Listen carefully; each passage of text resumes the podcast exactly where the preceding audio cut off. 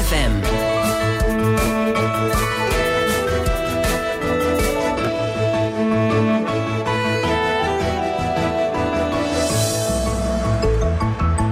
Radio Swammerdam. Welkom luisteraar bij een nieuwe aflevering van Swammerdam, het wetenschapsprogramma van Amsterdam FM. Uh, ik ben Maureen en vandaag ga ik jullie meenemen in het vierde deel van onze reeks Fundamenten van de Realiteit. Nou, het is vandaag Valentijnsdag, dat ben ik natuurlijk niet vergeten. Uh, ik denk dat het altijd goed is om de liefde te vieren. Uh, ik ga er ook mijn best doen om ook de liefde als iets fundamenteels te bespreken. Maar het is nogal een flinke stap van het eerste prille leven op deze aardbol tot het gedrag wat wij mensen nu vertonen.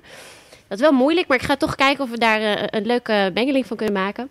En er komen vragen langs zoals uh, wat is leven eigenlijk precies? Kunnen we dat wel definiëren? Uh, waarom en hoe plant het zich voort? En tot slot ook, in hoeverre lijken wij mensen nog op deze primitieve levensvorm? Zijn we stiekem alleen maar bezig met voortplanten? Of zijn we, ondanks dat we nog maar een zucht bestaan in de geschiedenis van het leven op aarde, toch echt uniek, omdat voor ons liefde bijna belangrijker lijkt dan voortplanten? Of niet? Nou, Mhm. ingewikkelde vragen. Uh, maar gelukkig heb ik twee experts aan tafel die uh, uit twee hele verschillende vakgebieden mij iets over gaan vertellen. Um, welkom Nan Nanniga. U bent emeritus hoogleraar moleculaire cytologie aan de UvA. Uh, en u bent echt een expert in het allereerste leven op deze aardbol. Het meest extreem complex eigenlijk al, maar toch heel klein. Uh, daar gaan we van alles over horen. En welkom ook Sjaak Vane. Je bent filosoof en ook relatietherapeut. Dus ook echt een expert als het gaat om liefde tussen mensen. Dus daar gaan we ook van alles over horen. Er zit ook nog uh, aan tafel André Kloekhoen, onze columnist. Ik ben benieuwd naar de column alvast. Uh, en mijn co-host Luc. Goedemorgen. Welkom. Goedemorgen. Um, Luc, ik wilde met even een Hmm. vraag uh, aan jou beginnen. Uh, dan val ik een beetje met de deur in huis. Maar uh, het is natuurlijk Valentijn. Iedereen heeft het over de liefde vandaag.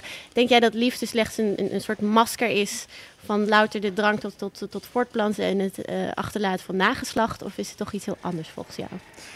Um, dat vind ik een beetje een plastische benadering van liefde. Ik zou zeggen dat liefde meer is dan dat. Maar wat het dan precies is, dat weet ik ook nog niet. Ik hoop, hoop ik ooit nog uit te vinden. We gaan er in ieder geval eh, weer opnieuw over nadenken naar vandaag, hoop ik. Ja.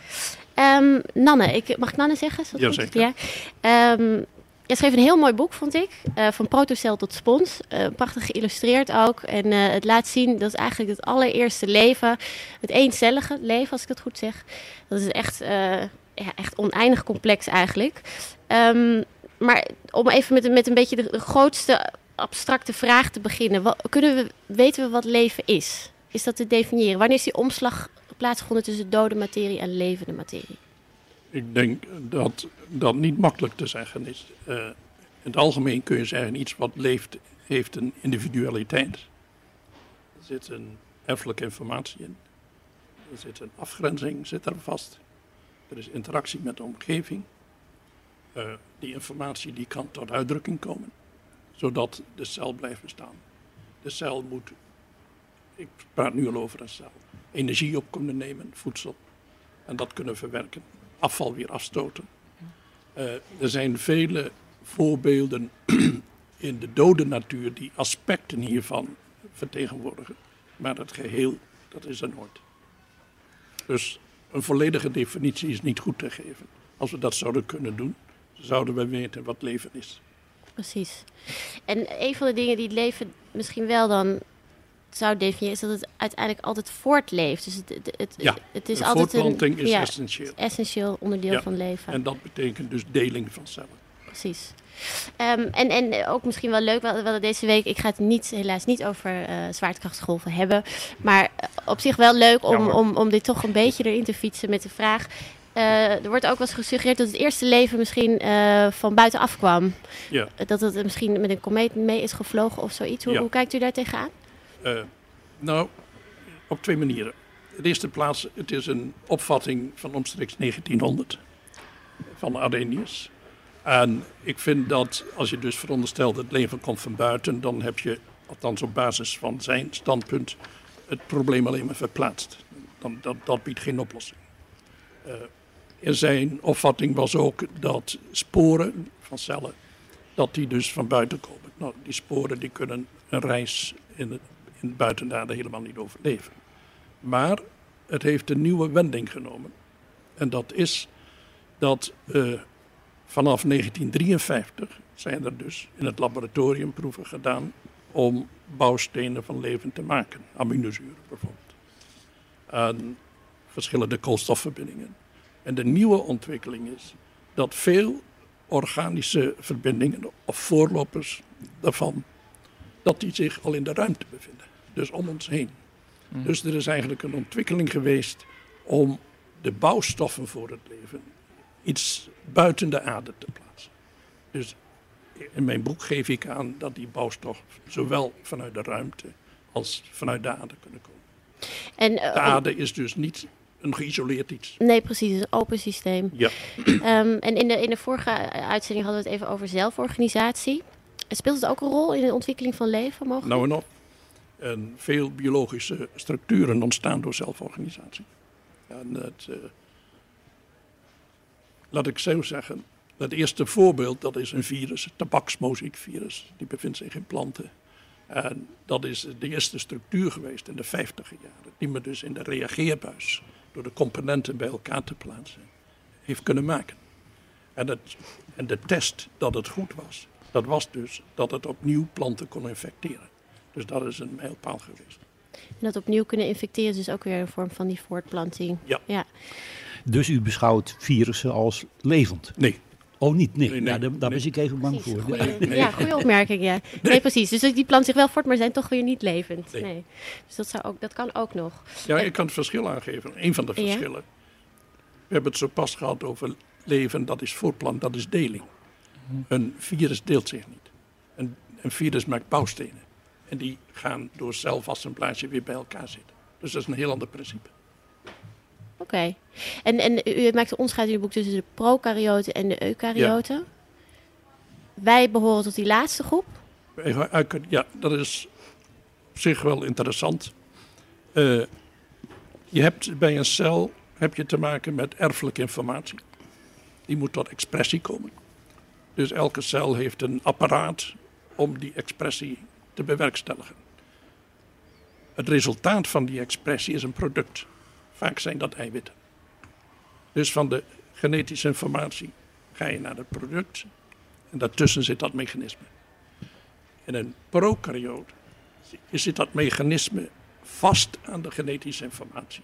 Het zit vast aan het productmechanisme. Dus dat is één structureel geheel. En de prokaryoten is allemaal in is één de- cel, vindt het Ja, plaats. ja. Ja. En in de eukaryoot is dat gescheiden. Dus het productiemechanisme is separaat van een ander deel van het mechanisme. Dus daar is scheiding opgetreden. En men zegt dus ook wel, en het gevolg daarvan is dat een eukaryoot een echte kern heeft. Dus een afgesloten geheel met genetische informatie. Dus een eigenlijk een Bij de beschermde... prokaryoot ja. Is het, ja precies, bij de prokaryoot is het één structureel geheel. En er is dus echt een speciale rol weggelegd voor dat erfelijk materiaal. Ja. Ehm, en dat moet hoe dan ook... Ja, is het een soort de oerdrang om dat te verspreiden? Eh, Is, is het moeilijk om heel veel stappen te maken naar... eh, als we kijken naar survival of the fittest en natuurlijke selectie, wat, wat we natuurlijk kennen. Ja. Was gisteren volgens mij zelfs Darwin-dag, dus leuk om Ja. die nog even aan te halen. Is, is- zijn, die, zijn die mechanismes echt veel veranderd? Nee, Of- in, in principe niet. Darwin wist weinig van de genetica af, omdat het DNA was ook nog niet bekend. Maar het principe, dat staat nog altijd overeind van Darwin. Ja, ziet u dan ook in ons mensen eigenlijk nog echt iets, een glimp terug van die, van die spons die we ooit waren in die Jazeker. oersoep? Eh, z- niet toevallig heb ik dat als ondertitel van mijn boek gegeven, van protocel tot spons. En in de spons komen dus al genetische structuren voor, die je later in het zenuwstelsel van de mens terugvindt. En dat sluit aan bij een concept van Jacob, dat heet de Genetic Toolkit. Dus dat is de erfelijke gereedschapskist. En dat zijn genen die in organismen zijn en die steeds opnieuw in een andere context gebruikt kunnen worden. En er wordt steeds gebruik van gemaakt. Ik heb nog even gekeken vanochtend naar het oog van een eh, inktvis. Lijkt is dus- begin van de Ja, dag. Hey, ja. Na het ontbijt neem ik aan. dat is dus, die is heel anders ontstaan dan het oog van de mens. En de- separate wegen. Maar toch, de oorsprong zit hem dus in die gereedschapskist. En die hebben ze wel weer gemeen. Precies, dus die gereedschapsgids. En, en eh, kunt u die nog iets beter omschrijven? Is die, dat is gewoon het, het het overdragen van het genetisch materiaal? Of Onder andere, maar dat is ook, de- waarop? ook datgene wat je hebt als genetisch materiaal. Precies. En wat je ermee kunt doen, dat hangt weer van de context af in de cel, die variabel is en ook van de omgeving afhangt. Ja. Nou heb ik we- wel altijd afgevraagd. je zou verwachten dat ehm, klonen best wel een effectieve strategie is als je genen wilt doorgeven. Ja, En toch eh, is er op een gegeven moment zoiets als seksuele voortplanting eh, Ja. heeft, zich, heeft plaatsgevonden. Ehm, wat, wat, wat dan ben je ook heel veel ge- genen weer kwijt. Dus dat vind ik altijd moeilijk als je denkt uit die je- Dawkins met zijn selfish gene idee van het gaat alleen maar die genen, die, daar gaat het om. Dat wij als mensen daar een beetje als een omhulsel omheen zitten of, of dieren, dat maakt niet uit. Het gaat allemaal om die genen, die moeten maar heet het. nou daar ben ik wel met hem eens. En ik heb dat eh, aandacht aan besteed op het niveau van prokaryoten. Ja, En, eh, dus je hebt, we praten dus over een structuur van een duizendste millimeter. Eh, het genetische materiaal heeft een lengte van 1 millimeter. Dus dat is behoorlijk opgevouwen. En als ik van de ene deling naar de andere deling ga, dan heb ik van één cel ga ik naar twee cellen. Maar er is een vereiste dat dat genetische materiaal zich ook verdubbelt. En het bijzondere is dat je kweekcondities kunt hebben bij bacteriën. Dat die samenhang tussen verdubbeling van het genetische materiaal en de verdubbelingscel ontkoppeld is. En wat dus eigenlijk de maat is van het gedrag van die cel, dat is verdubbeling van het genetische materiaal. En de cel is als het ware een vehikel om dat mogelijk te maken. Dus dat is dan mijn standpunt. En dat is in wezen hetzelfde als wat eh, Dawkins zegt. maar hoe Dus maar, ja, precies. dat is dus maar- de selfish gene. Het gaat om het DNA. Het gaat Ja. om de voortplanting van eh, erfelijk materiaal. Maar toch bij de, de- bij de seksuele kruising van eh, cellen, dan, dan ben je toch een heel groot gedeelte daarvan weer kwijt. Nee. En je hebt dieren die zich gewoon als polypen voortplanten, onder andere een soort van inktvis volgens mij. Dus die maakt gewoon een kopie van zichzelf uit zijn eigen cel. Ja, En dan is, heeft hij heeft hij, mooi alles doorgegeven. ja. Terwijl als het de ander dier die denkt, nou ik moet toch de helft maar inleveren. Want Ze leveren niet zoveel in. nee, toch niet? Waar het eigenlijk om gaat bij de ontwikkelingsbiologie, dat de hoeveelheid DNA-informatie, die is steeds dezelfde, kun je zeggen.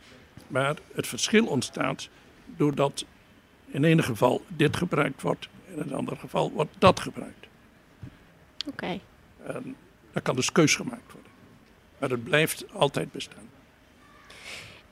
Nou, wilde ik ook nog eventjes naar een. Het is wel, ik vond het erg interessant. is een, een, een jonge onderzoeker eh, aan het MIT, Jeremy England heet hij. En die heeft nogal wat stof eh, doen opwaaien in uw vakgebied en ook een heleboel vakgebieden daaromheen. Hij is eigenlijk natuurkundige, dus ook wel apart dat hij zich zo met de biologie bezighoudt. Maar om hem- jaar. Ja, heel jong ook nog. Ik zou hem even citeren. Hij zegt: You start with a random clump of atoms. Uh, and if you shine light on it for long enough, it should not be so surprising that you get a plant. Ja, Dus I hij would, zegt gewoon. I uit would die- say it's very surprising. yes. Ja, ja, vertel. Ja, hij zegt, je, het, ko- het komt er vanzelf uit. Le- leven is iets wat het totaal voorspelbaar eigenlijk is. Dat het zou moeten ontstaan. Ja, Wat denk nee, ik vind dat eh, een te veel te grote stap. En waarom? De reden is dat eh, hij, zijn beschouwingen die zijn gebaseerd op thermodynamica. Dus op, energetische processen. En die zullen zeker in de biologie een rol spelen. Die spelen altijd een rol. Je kunt niet geen biologie hebben zonder natuurkunde. Dus eh, ik vind dat hij, eh, als ik even naar de plant terug mag gaan, daar gaat onder andere aan vooraf en symbiose een plant ontstaat, is ontstaan. Doordat het een andere cel opgeslokt heeft. Of dat zo makkelijk in zijn schema past, dat is voor mij zeer de vraag. Ik vind, eh, ik heb ook gekeken naar de mensen die zijn, ik baseer mij nu op het artikel wat u me heeft laten zien en die geciteerd worden, fysici wat ze ervan vinden. En er zijn een aantal fysici die zijn zeer enthousiast. Maar dat verbaast me niet, omdat de fysici, met uitzondering van Schrödinger, een zeer beperkte visie op de biologie hebben. Ja. En die zijn heel gauw tevreden. En eh, die gaan heel gauw snel extrapoleren.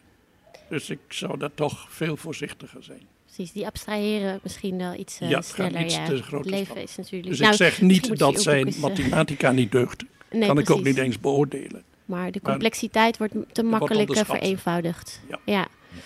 Maar goed, ik ben wel benieuwd hoe dat gaat aflopen. Wat er, eh, wat er uitkomt. Ehm, en eigenlijk wil ik nu eventjes ruimte maken voor de column, als dat kan. Oké, ja, is goed. eventjes dit eh, laten rusten. Het thema vandaag in Zwammerdam stelt me in staat aandacht te besteden aan het werk van Nederlands grootste microscopist Antonie van Leeuwenhoek. Op verzoek van de Royal Society in Londen was Van Leeuwenhoek ooit begonnen met behulp van zijn microscoop menselijk sperma te bestuderen. Maar hield daarna een tijdje mee op, omdat hij het wat onzedelijk begon te vinden. Maar na een bezoek van een medisch student uit Leiden, die met een potje sperma van een leider aan de geslachtsziekte gewoon reuk kwam aanzetten, vatte hij zijn onderzoekingen weer op. Hij ontdekte er levende, zichzelf met zwiepstaartjes voortbewegende beestjes in, die wel eens door de ziekte veroorzaakt konden zijn. Toen hij zijn bevindingen in een brief aan de Royal Society meldde, schreef hij erbij dat ze wat hem aanging wel ongepubliceerd mochten blijven als de heren het onderwerp te ongepast zouden vinden. Net als voor zijn onderzoekingen aan andere lichamelijke afscheidingsproducten, zoals bloed, zweet, tranen, speeksel, snot, slijm, etter, oorsmeer, tandplak, tenenkaas, urine en ontlasting, gebruikte Van Leeuwenhoek zijn eigen sperma, maar vermeldde er uitdrukkelijk bij dat wat hij onderzocht alleen was verkregen door fatsoenlijk geslachtsverkeer met zijn eigen vrouw, zodat hij zichzelf niet zondig had hoeven misdragen. Wat zijn Cornelia ervan vond, schreef hij er niet bij. Maar het zal wel uit liefde, die zal het wel uit liefde gedaan hebben, want ze hielp hem wel vaker met zijn experimenten. Zoals het tussen haar borsten bewaren van een doosje met eieren van de zijderupsen, die met haar lichaamswarmte moesten worden uitgebroed. Het huwelijk werd in de Nederlandse Republiek, zeker in de hogere klasse, gezien als meer dan alleen nodig om voor nageslacht te zorgen en kon ook uit liefde worden gesloten. En als ze eenmaal getrouwd waren, kregen de partners het advies om vooral van elkaar te genieten door middel van vleeselijke conversatie. In een handboek voor het huwelijk uit 1687 werden jonge echtparen wel gewaarschuwd dat er niet overdreven moest worden en dat vier of vijf ejaculaties per nacht wel het maximum was zonder het risico de gezondheid te schaden. Tot zijn verbazing ontdekte Van Leeuwenhoek ook in zijn eigen sperma hele zwermen bewegende beestjes. En hij begreep dat het geen ziekteverwekkers waren, maar dat ze voorkwamen bij alle gezonde mannelijke wezens.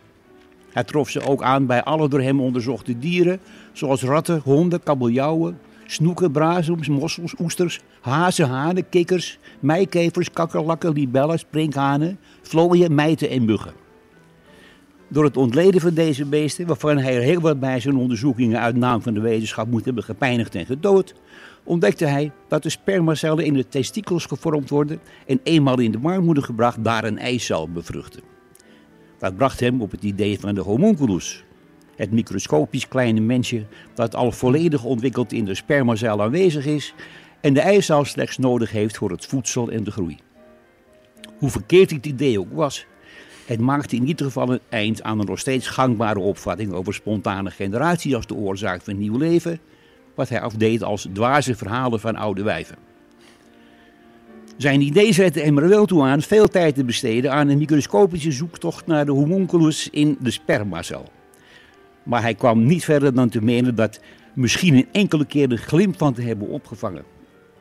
In een brief aan de Royal Society reageerde hij zelfs schamper toen hij vernam dat iemand anders beweerd had dat ze wel degelijk te hebben gezien.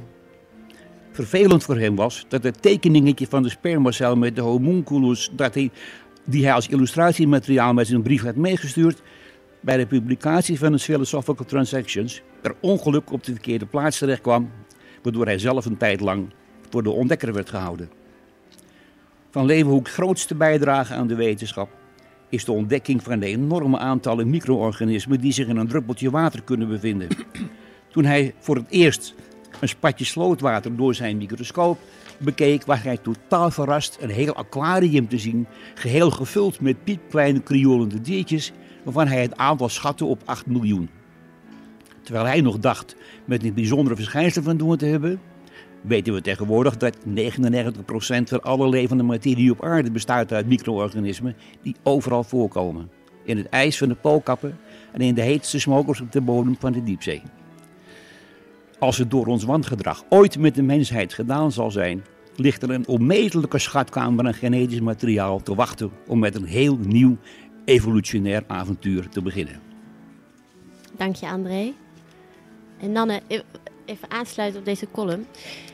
Hoe onderzoek je eigenlijk het eerste leven? Want heb je, heb je daar fossielen van? Of hoe, want dit kan voorstellen, Antonie van Leeuwen ook had gewoon de dieren die hij onder de microscoop legde. Maar hoe kijk je naar iets wat al lang er niet meer is Ja, eh, en zo klein is? er zijn eigenlijk geen betrouwbare fossielen van het allereerste leven. En wat men gevonden, en er is enorm veel heisa over geweest. En het probleem is dat het zo lang geleden is, dat zoveel kapot gegaan is, dat je dus niet zeker weet. Dus wat een weg die men- gekozen heeft, is naar moleculen te zoeken, onafhankelijk van intacte cellen, die dus alleen in levende wezens voorkomen. En daar is men, heeft men wel voortgang gemaakt, maar vaak is het ook zo dat als zo'n molecuul dan gevonden wordt en men denkt dat is een spoor van leven, dan blijkt dat molecuul ook elders in niet levende materie voorkomen. Dus dat is heel lastig. Dus je, hebt geen enkele zicht op primitief leven, hoe dat eruit heeft. En wat wij nu hebben als primitief is al ongelooflijk ingewikkeld. Hoe werkt dat dan precies bij het zoeken naar leven op buiten, buitenaardse planeten, op Mars en zo? Kan het zijn dat we daar primitief leven over het hoofd zien, omdat we het simpelweg niet kennen? Dat kan, daar wil ik wel iets van zeggen. Eh, je kunt je afvragen van, is er leven? En als je ervan uitgaat dat het leven op aarde volgens een vrij natuurlijk fysisch proces is ontstaan, laat, laten we daarvan uitgaan. We weten dat de aarde er ooit niet was. We weten dat de aarde zal verdwijnen. En datzelfde geldt voor andere planeten. En ergens zal er wellicht een planeet zijn die leven bevat. Dan kun je je afvragen, in welk stadium is het leven? Ja. Zijn dat bacteriën? Zijn de mensen? Of is dat een stadium wat al verder is dan de mens? En als je daarachter wilt komen, zoals ik het nu kan bezien, dan zul je dus als het ware detectiemoleculen moeten hebben waar kun je, waarvan je kunt verwachten dat die eh, uit levende organismen komen. Ik, dus ik, ooit zal dat dan mogelijk zijn. Ja. Via spectroscopische technieken. Hele- Maar of het evolutie identiek aan de evolutie van ons zal zijn gegaan, dat is voor mij zeer de vraag. Ja. En helaas kunnen we het nooit opzoeken, ben ik bang. Ja, Nee. misschien via wormholes of zoiets, maar het zal moeilijk zijn met zoveel afstand. Maar ooit komt dat wel tevoorschijn. Ja, vast wel. Dat denk ik ook wel. Maar dat is dus ook wat nu gebeurd is, ook met dit eh, experiment wat zoveel aandacht getrokken heeft.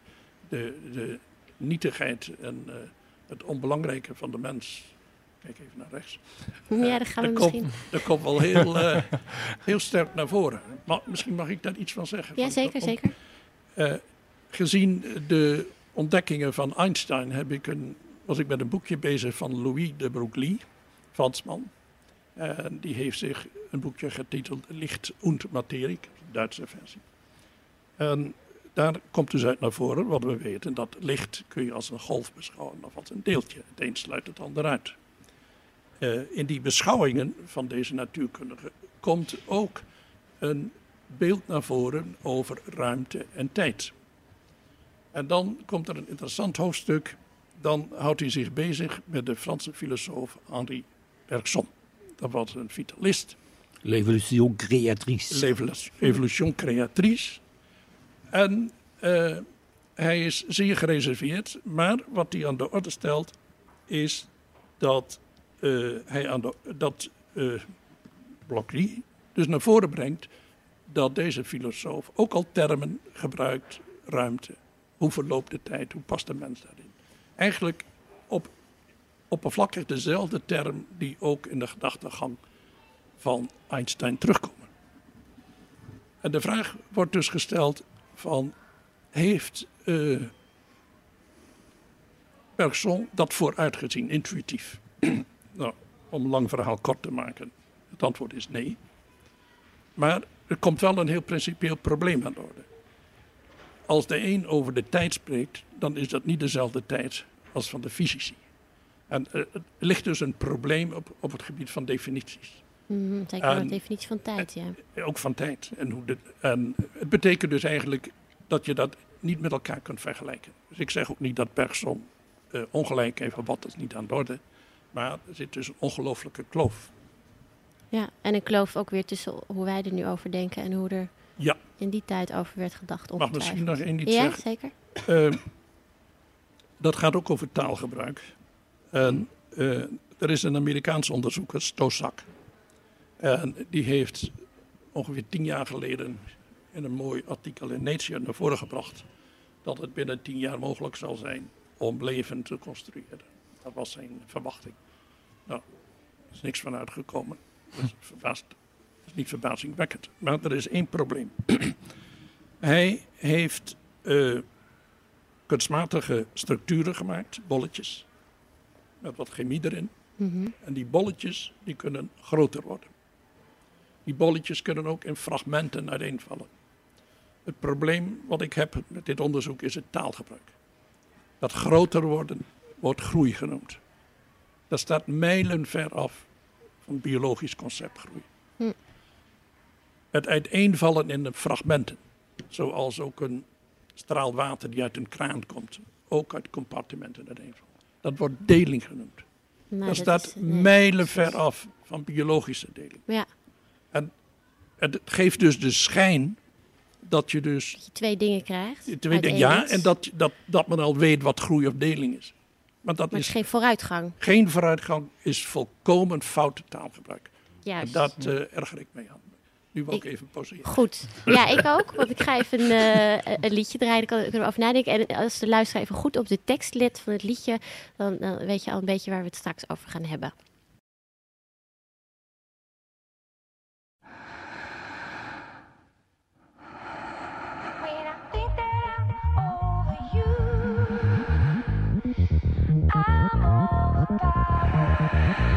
Your day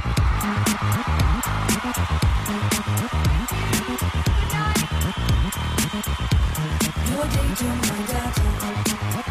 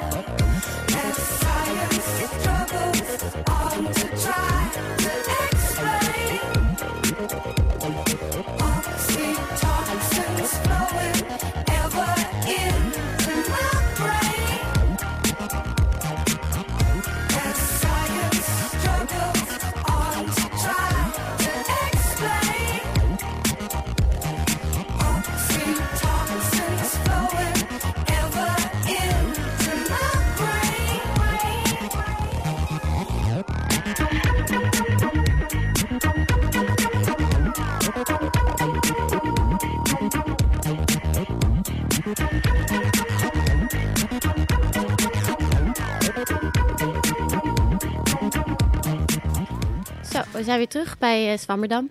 We hoorden net Royce Murphy zingen het liedje Overpowered. En zij zong over matchende DNA-data, maar ook scientists die struggelen met het verklaren van allerlei alien feelings. Waarmee ze dus uh, het over de liefde heeft of verliefdheid. Um, we hadden het net even over alle primitieve levensvormen en, en een soort algemeen mechanisme om altijd maar die, die genen door te geven. Um, maar ergens uh, lijkt het toch alsof wij mensen ons daar een beetje aan onttrekken. En dan kijk ik even de Sjaak Vaan aan tegenover mij. Um, hoe zie jij dat? Je hebt net geluisterd naar het verhaal. Wat denk jij, welke rol hebben wij mensen in dit geheel? Nou, ik moet even, ik ga even terug naar die column. En ik, moet, ik blijf een beetje hangen bij Cornelia, dat is de vrouw van, van Leeuwenhoek. Ja. Ik, ik probeer me dan zo voor te stellen hoe dat dan zou gaan uh, in bed. Dat is dan maar mijn idee, dat ze in bed duiken en dat ze in het belang van de wetenschap daar uh, toch de liefde gaan bedrijven. Ik stel me zo voor dat als je tegen je liefdespartner zegt van schat, we moeten onze bijdrage aan de voortplanting maar weer eens gaan leveren. Dat dat toch tot weinig ehm, nou, opwinding misschien nog wel. Maar um, het zou toch vreemd zijn. Zeker als je een, een, onbekende partner tegenkomt en zegt van nou, je, je hebt alles in je om um, nu in het belang van de soort te gaan handelen. Um, ik denk dat dat aangeeft hoe, hoe, vreemd het ons overkomt om vanuit dat soort onpersoonlijke modellen uh, naar onszelf te gaan kijken. Als we zeggen van nou het gaat alleen maar om degene. Um, ik denk dat we altijd zoeken naar een meer persoonlijke taal. Waarbij het gaat om ik en jij, ik en de ander. En waarbij je die ander een unieke betekenis uh, toekent. En die unieke betekenis die is er natuurlijk niet als we kijken vanuit de biologie. Wat we in het voorgaande deel van de uitzending uh, mee geconfronteerd zijn. Hè. Dus als je op die manier kijkt naar de mensheid, dan denk ik dat. Uh, dat als we het reduceren tot alleen een biologisch iets, um, nou dan zie je wel hoe absurd dat ons overkomt als je op die manier gaat praten met elkaar. Klopt aan de andere kant denk ik altijd, ik, ik, ik, vind het altijd zo gek dat we, we bestaan natuurlijk eigenlijk zo kort maar, vergeleken met de hele geschiedenis van het leven. Op zich wel leuk ter vergelijking las ik laatst bijvoorbeeld het tijdperk tussen de Stegosaurus en de Tyrannosaurus. Dat, tijdperk is groter dan de tijd tussen de Tyrannosaurus, Tyrannosaurus, Tyrannosaurus sorry, en, en, en wij vandaag de dag. Ja. Dus wij zijn er zo oneindig, echt een, een fractie van een seconde op een enorme tijdschaal. En waarom, wat, Ja. wa- hoe kunnen we dan Ja. toch niet nog een heel elementair onderdeel hebben in ons hebben van die geschiedenis?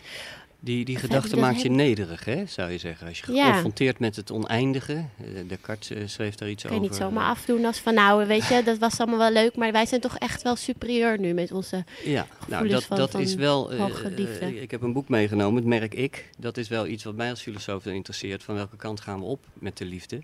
Als we het ik zo centraal stellen. En eh, dat is natuurlijk een hele andere visie eh, dan dat we onszelf ehm, zien als een klein deeltje van een geheel. Vanuit het ik is een soort cent- centrisch denken, zou je kunnen zeggen, waarbij eh, ik mezelf in het midden plaats en alleen maar kijk wat voor vertakkingen er zijn vanuit mezelf. Hè? En wat dat zelf dan ook is, dat blijft altijd een, een vraag. En ja, interessant is hoe, hoe over de liefde gesproken wordt en ook waarschijnlijk hoe over de liefde steeds meer gesproken gaat worden. Als we het hebben over die genen, eh, wat opvallend is, is dat wetenschappers heel makkelijk de stap zetten van wetenschap, het wordt door collega's dan vaak pseudowetenschap genoemd, eh, naar techniek. Eh, gene dating bijvoorbeeld is een Zwitsers bedrijf, daar hoort ook een website bij. Je kan wat wangslijmvlies eh, opsturen en je wordt gekoppeld aan iemand met een verschillend DNA-profiel. Daar zit een evolutionaire theorie achter. Hè. Je zou wat gezondere kinderen dan kunnen krijgen op die manier. Ehm, en men eh, verzekert je dus dat je de geur van die partner eh, prettig vindt. Dus dat je je niet ergert aan zijn eh, ongestreken hemden en sokken en dergelijke. Maar ook dat je op de een of andere manier seksueel aangetrokken voelt tot die partner. Dus ook dat probeert men voor elkaar te krijgen. Wat andere datingsites natuurlijk doen, is het koppelen van persoonlijkheden op basis van compatibiliteit. Zij gaan nog een stukje verder. Ze hebben het over neurocompatibiliteit en biocompatibiliteit. Dus je hoort biologisch gezien hoor je dan bij elkaar en geheid vind je jezelf, eh, vind je die ander dan eh, aantrekkelijk. Maar is dat ook gericht op het creëren van zo goed mogelijk nageslacht? Of is het, gaat het echt om persoon tot persoon? Want Het- anders riekt het een beetje naar eugenetica. Nou, het, het, het, het belang van, die, van dat bedrijf is waarschijnlijk niet het, het, eh, het verbeteren van, de, van het nageslacht. Het is puur eh, gericht op eh, ja, dat de liefde beheersbaar wordt. Dat we dus niet met allerlei onvoorziene factoren te maken krijgen. En uh, dat we een zo groot mogelijke kans op de juiste matching hebben. En, en als we dat vanuit cultuurhistorisch perspectief bekijken, en dat is de, de blik van de, uh, de cultuurfilosoof, uh, dan kijken we naar van hé, hey, wat gebeurt hier? Hè? Dat is een hele moderne opvatting. in de 17e eeuw kwam die al op. Ik, ik, ik, ga weer even terug naar die column. Uh, u, citeerde een handboek uit 1687. Uh, het was dan toegestaan om uit liefde een, een, huwelijk te sluiten. Nou, dat is natuurlijk een opvatting uh, die blijkbaar gangbaar was in die tijd. Dat blijkt nou, uit, dat nou, hang, uit dat handboek. In hogere kringen, ja, hè? Pas ja. in de romantiek werd dat, en dan zitten we in de, de tweede helft van de 18e eeuw, werd dat zo belangrijk dat het ook was toegestaan om uit liefde een huwelijk te sluiten. daarvoor speelden allerlei andere motieven een rol. En interessant is natuurlijk nu, wat nu een nieuwe basis gaat worden voor partnerkeuze en het aangaan van relaties. En uh, wat ik ook wel leuk vind met het boek wat je net noemde. Um, ik heb soms het gevoel dat we zijn nu zo... Maar zoals je dieren, die, die doen een balsdans voor elkaar. Om, hè, dus ze, ruiken misschien een goed, goede partner en ze doen daar een dans voor. En ze hopen dan nageslag te krijgen. Maar wij mensen zijn ook wel een soort van onze hele tentoon aan het stellen. Maar niet alleen met het idee in het achterhoofd van... oh, ik wil uiteindelijk kinderen achterlaten. Maar ook bijvoorbeeld om een, uh, een goede baan te vinden... of om mensen de indruk te maken op andere mensen... of een bepaalde plek in de hiërarchie te veroveren. en het lijkt wel of het hele... ja, dat niet meer... de focus ligt niet meer echt op die het vinden van een juiste partner. Los van nog toch vragen of, het, zeg maar, of je dat zoekt op een biologische manier... of op een andere manier, om het zo maar te noemen. Ik Nou, zou de- niet weten hoe we ja, het moesten noemen, maar... Niet, niet meer de juiste partner, maar een juiste partner is het dan al eh, geworden. Dat is al een verschuiving. Eh, eh, je zou daar het, het postmoderne denken nog op los kunnen laten. Dat het grote verhaal hè, en, en de partner, waarmee een soort levensboog wordt gedaan. Ook, ook de- het denken vanuit, kijk, ik heb één identiteit. Die heb ik zo ongeveer op mijn 18 heb ik die wel ontwikkeld. Ik weet wie ik ben. Eh, ik, ik heb mijn beroep gekozen en ik sta in de traditie van mijn familie. Eh, dat lijkt een achterhaalde eh, gedachte. We moeten onszelf iedere keer weer opnieuw uitvinden en onszelf in de markt zetten. En dat is wat tegenwoordig personal branding genoemd wordt. Jou bekend, Marien, personal branding. Ja, ik heb, je hebt me wat laten inlezen, gelukkig. Ja. het merk ik is bijvoorbeeld een voorbeeld daarvan. En Dat, dat zegt eigenlijk als je moet jezelf als een merk zien. En ehm, je moet eh, consequent, en, en sommige eh, eh, personal branding boeken beweren dat je daar 24 uur per dag mee bezig moet zijn, moet je bepaalde sterke kanten van jezelf benadrukken. Verkoop heel je van- DNA. ja, verkoop, je verkoop jezelf, ja, verkoop je persoonlijkheid. En, en in, wat, wat mij interesseert is dan wat daar de invloed op is op intimiteit. Dus dat aspect van een partnerrelatie, eh, waarbij twee personen niet naast elkaar leven, ehm, maar eh, in elkaar zodanig in elkaar geïnteresseerd zijn dat de ander een deel van mezelf wordt. Zo wordt dat vaak eh, genoemd. Eh, intimiteit heeft dan te maken met eh, dat ik het me zo sterk aantrek wat er met jou gebeurt, eh, dat ik dat ook dat ik me daar zo sterk mee identificeer dat het als het ware deel van mezelf wordt. Het ook een soort overdracht wel. Kijk, een Empa- beetje empathie heeft het toch eigenlijk gewoon een beetje... Ja, het gaat nog wel verder dan dat. Het, het betekent ook een, een optimale betrokkenheid en ehm, een een commitment. En eh, de vraag is natuurlijk in hoeverre men nog in staat is tot dat commitment als men 24 uur per dag bezig is om zichzelf in de markt te zetten. Er komt een soort, ik heb wel erover geschreven dat het is niet een, een, een soort eh kooprelatie waarin de ander als een object gezien wordt. Dat is natuurlijk een relatie waar het feminisme sterk tegen te keren is gegaan. En terecht, denk ik. Eh, het is niet zo, denk ik, dat de ander gezien wordt als louter een, een object, een begerenswaardig object. Dat niet. Het is meer een handelsrelatie. En ehm, waarbij eh, merkwaardig genoeg koopwaar en, en koopman eh, of koopvrouw eh, samenvallen. Ehm, want wat is de koopwaar? Dat, dat is jouw persoonlijkheid. Ik, ben, ik ben leuk. Ik heb een zekere waarde op de relatiemarkt. De seksuele markt wordt ook wel eens gezegd. Maar laten we het even houden op de persoonlijkheidsmarkt. Hè. Ik, ben, ik ben vlot, ik ben interessant, ik ben belezen. nou, noem ze maar op. Hè. En dan verwacht ik natuurlijk wel een partner te vinden waarbij dat matcht. En die moet dat ook laten zien, die moet het ook waarmaken. Dus er moet ook quality time zijn tussen ons. En een gelijke oversteek. Dus evenveel interesse in elkaar. Ja. Maar, maar het is niet, niet een soort kooprelatie dat het object direct verlaten wordt. Nee. Ik, zie, ik, ik spreek natuurlijk Nee, veel en koppels die ook- daarmee worstelen. Het is niet zo dat, dat meteen die ander aan de kant gezet wordt. Het, het is meer, eh, kijk, dat, eh, een, een handelsrelatie, het wil ook niet zeggen dat als, eh, als je auto een keer niet goed gerepareerd is, dat je meteen naar een andere garage gaat. Hè. Je hebt een relatie opgebouwd met die eh, garage. Je kent de monteurs enzovoort. Ik, ik zit al twintig jaar bij dezelfde garage, dus ik spreek uit ervaring. En als ze eens een keer een foutje maken, dat kan. Precies. Maar het moet, Ook al het 20 moet wel, het moet ook wel al twintig- blijven. Ook al twintig jaar dezelfde relatie. Die verandert natuurlijk, die relatie. Maar dat Nee, vertrouwen ik- is wel Ik heb gegroeid het over die. 20 jaar dezelfde garage, maar ook al 20 jaar dezelfde relatie. Eh, d- 30 jaar dezelfde 30 jaar, relatie. Ja. Ja, Ik dus ben, een eh, blijft- in de liefde ook op dat gebied. Die, blijft er steeds. Ik ben 51 jaar getrouwd. Kijk, nog, eh, dat voelt me echt niet. Dat is wonderlijk. Als relatietherapeut krijg je heel vaak dit soort ik bekentenissen zal me niet over mij beginnen, want dat wordt wel een eh Een Nee. valse noot in de... Nou ja, hieruit blijkt maar weer hoeveel mensen, hoe vaak mensen worstelen en hoe belangrijk persoonlijke relaties zijn voor mensen. Ik, eh, ik, als ik vertel dat ik relatietherapeut ben, dan krijg ik toch regelmatig dit soort, eh, niet alleen vragen, maar ook eh, dit soort bekentenissen van, wat denk jij er nou van? Ja. En het aardige is natuurlijk dat je daarbij bijna in een soort expertrol komt. En eh, er is ook een, een vorm van relatietherapie die, die dat ook graag doet. Die ook graag zegt van, nou ja, weet je, laat dat, eh, die partnerkeuze nou maar aan ons over, aan de wetenschap over. Eh, laat het, het, de kwaliteit van de relatie ook maar aan de wetenschap over. Kijk, daar hebben we onderzoek naar gedaan, sociaal-psychologisch onderzoek.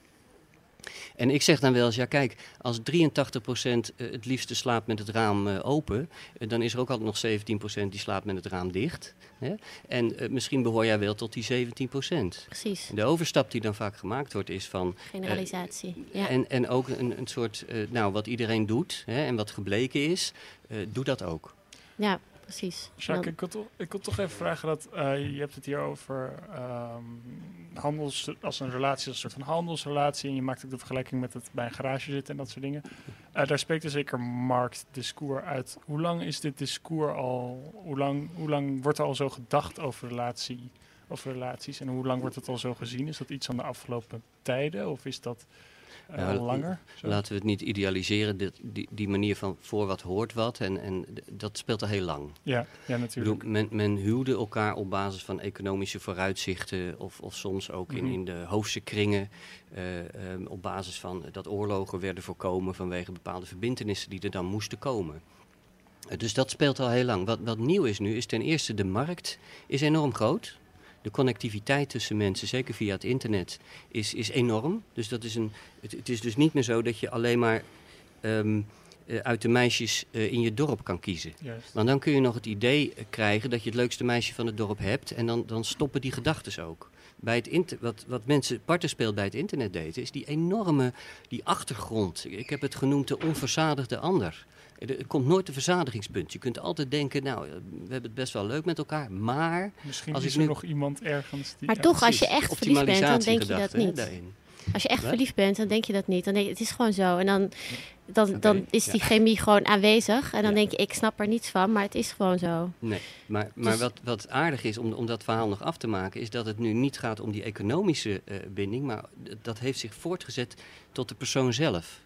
We zetten onszelf in de markt op basis van eh, persoonlijkheden. Hier staat ook in van het gaat niet meer om je functionele vaardigheden. We hebben allerlei, nou om bij die garage te blijven, er zijn allerlei goede monteurs, Ja. er zijn allerlei goede garages. Alleen nu gaat het om jouw expressieve talenten en jouw emotionele talenten. Dus je moet ook een, een leuke, flexibele vent zijn eh, waar mensen graag komen. Die jou niet alleen optimale service biedt, die niet alleen goed is in zijn vak, maar die zichzelf ook weet te verkopen op die andere gebieden. Want we leven in een emotiecultuur.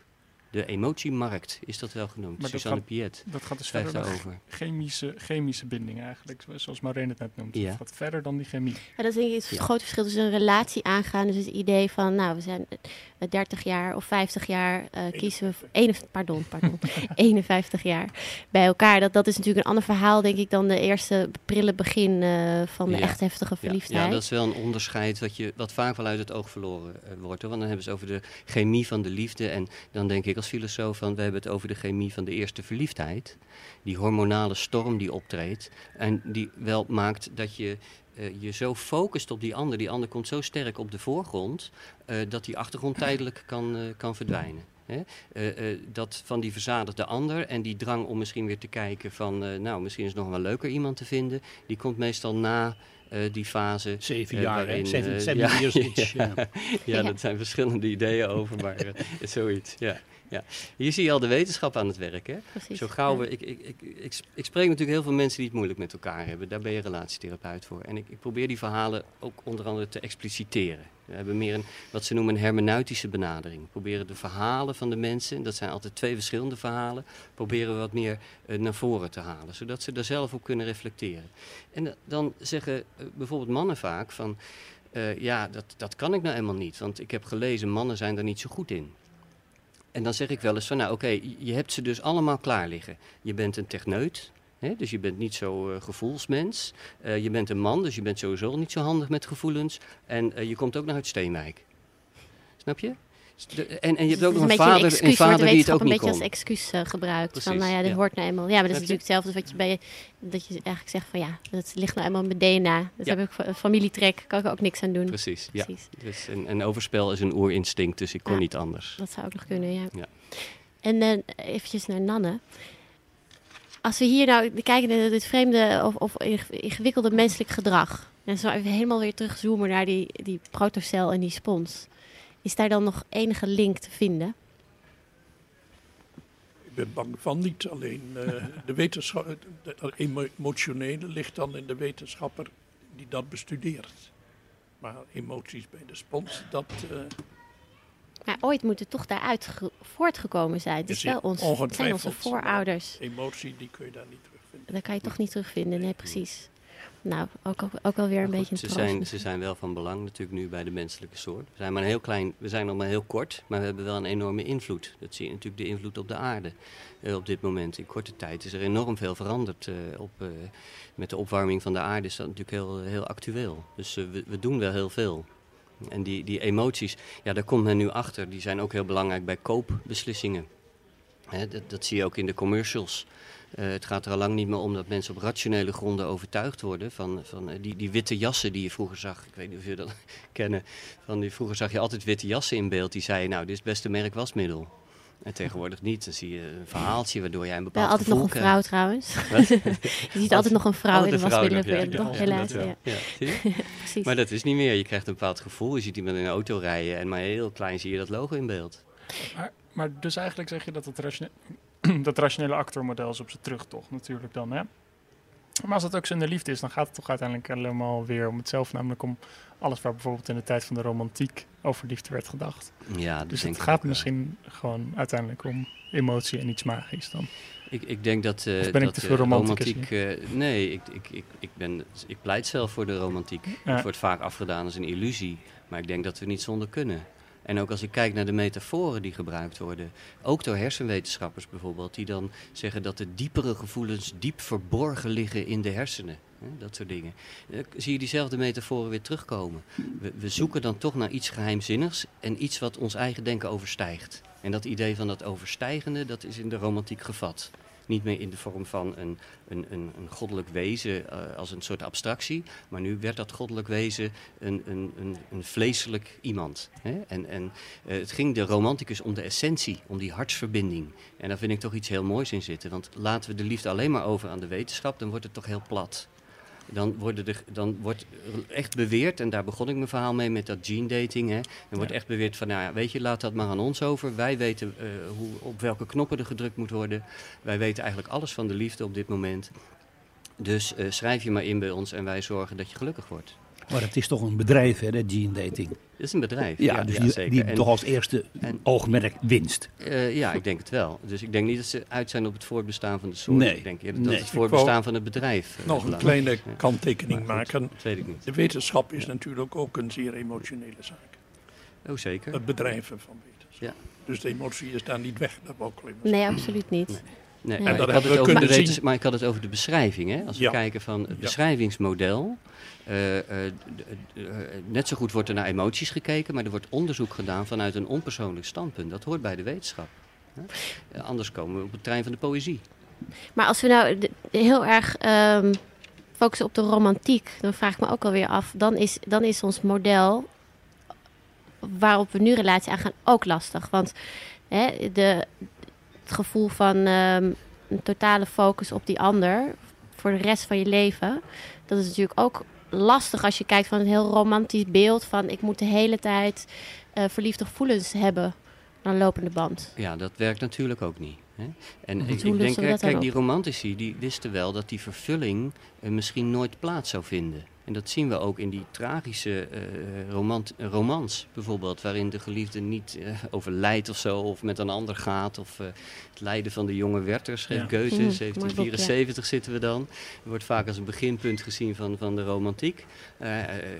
Ze, gaat weg, ze heeft al een ander. Ze weet niet eens dat hij verliefd is op haar. Hè, dus dat tragische aspect. Maar de- het wezen van de romantiek, Jos de Mul heeft daarover geschreven, is, en ik ben het daarmee eens, is het verlangen. Het verlangen op zich. En het, het is, idee eh, van de precies. verheffing, dat we Ja. toch iets hoger komen door die ander te beminnen. En, en niet alleen maar dat. eh, nat- natuurlijk vanuit het on- moeten we ook eh, ons voortplanten. Hè? Anders dan, dan, dan stopt het. En Eh, dat maar verlangen, er is dat, eh, dat volgt dus de dood op. Hè? Dat is bijzonder tragisch. Ook Thanatos het geval van de Schöne Müllering, dan eh, de persoon in kwestie, eh, die brengt het er ook niet levend af. de vraag is natuurlijk ja. welke kant we op gaan bewegen met de liefde. Hè? Ja, En ik, ik, ja hoe, ik denk hoe als we ziet het er over, over duizend jaar uit? Ja. ik hoor net van Duizend André, dat kan je ja. niet voorspellen. Dat Nee. is niet Nee, nee, nee, dit Nee, is maar, heel maar moeilijk. Ik, denk dan eerder aan van nou, hoe denken we over een jaar of twintig eh, over de Oké, liefde. En ik goed. denk nu al dat de invloed van internetdating best belangrijk is. Het is nog maar 20% hè, van, van de relaties wordt gevormd door, via het internet. Maar als je kijkt welke gebruikers, gebruikerscultuur daar is ontstaan, dan denk ik, dan zegt dat wel iets. Dan zie ik dat wel als een voorloper van, van iets wat, wat iconisch gaat worden voor hoe wij eh, partners gaan kiezen. Hoe we onszelf in de markt zetten, hoe we ons datingprofiel aanmaken. Ik denk dat voor de, voor de moderne mens, of de hedendaagse mens, het profiel steeds belangrijker gaat worden. Niet alleen het datingprofiel, maar ook daarna het LinkedIn-profiel, je Facebook-profiel. En wat is een profiel? Daar kan je natuurlijk van alles van maken. Dan heb je, dan heb je niet meer die, eh, die directe chemie eh, die je uitstraalt. Nee, want daar heb je die zelfetikettering. Daar zet je jezelf in de markt met dat soort etiketten die ik net noemde. Van nou, ik ben dit, ik ben dat, ik ben zus, ik ben zo. En eh vind mij vooral leuk. Het lijkt me geen wereld om naar uit te kijken, eerlijk gezegd. Nou, dit zo, ik denk altijd maar weer, er is altijd iets weer, er is weer een voordeel bij en er is weer een nadeel bij. ja, ik denk- en we zitten gewoon op een nieuw level. Ja, je kan er somber over doen, maar eh, dan, dan word je zo- zo'n cultuurpessimist. Van het wordt Ja. alleen maar minder. Het geeft ook mogelijkheden natuurlijk. Maar ehm, het- ik denk dat het een Nou mix blijft van romantiek. Ik ja. denk wat Luc net zegt. Ik denk dat we romantischer zijn dan we willen toegeven. Dat zie je ook op datingsites waar mensen nog steeds hun soulmate zoeken en dat soort dingen. En dat wordt ook aangewakkerd door die je toch een romantisch sausje proberen te geven. Daar ben ik wel een beetje ja, bijna cynisch over, over die datingsites natuurlijk. Omdat daar een belang achter zit, wat, ze, wat niet erg is. Maar wat wel wat meer geëxpliciteerd zou mogen worden. Er zit natuurlijk altijd zeker belang achter van, nou, laat het maar aan mij over. Maar wel tegen betaling natuurlijk. Dus, Ja. dat, dus dat is wel zo. Maar kijk je naar dat personal branding, dan denk ik, nou het is niet verkeerd, het is. En het zal belangrijker gaan worden. En mensen, je ziet dat nu al bij jongeren, zullen zich veel eh, meer bewust gaan worden van eh, wat ze zichzelf toe-eigenen.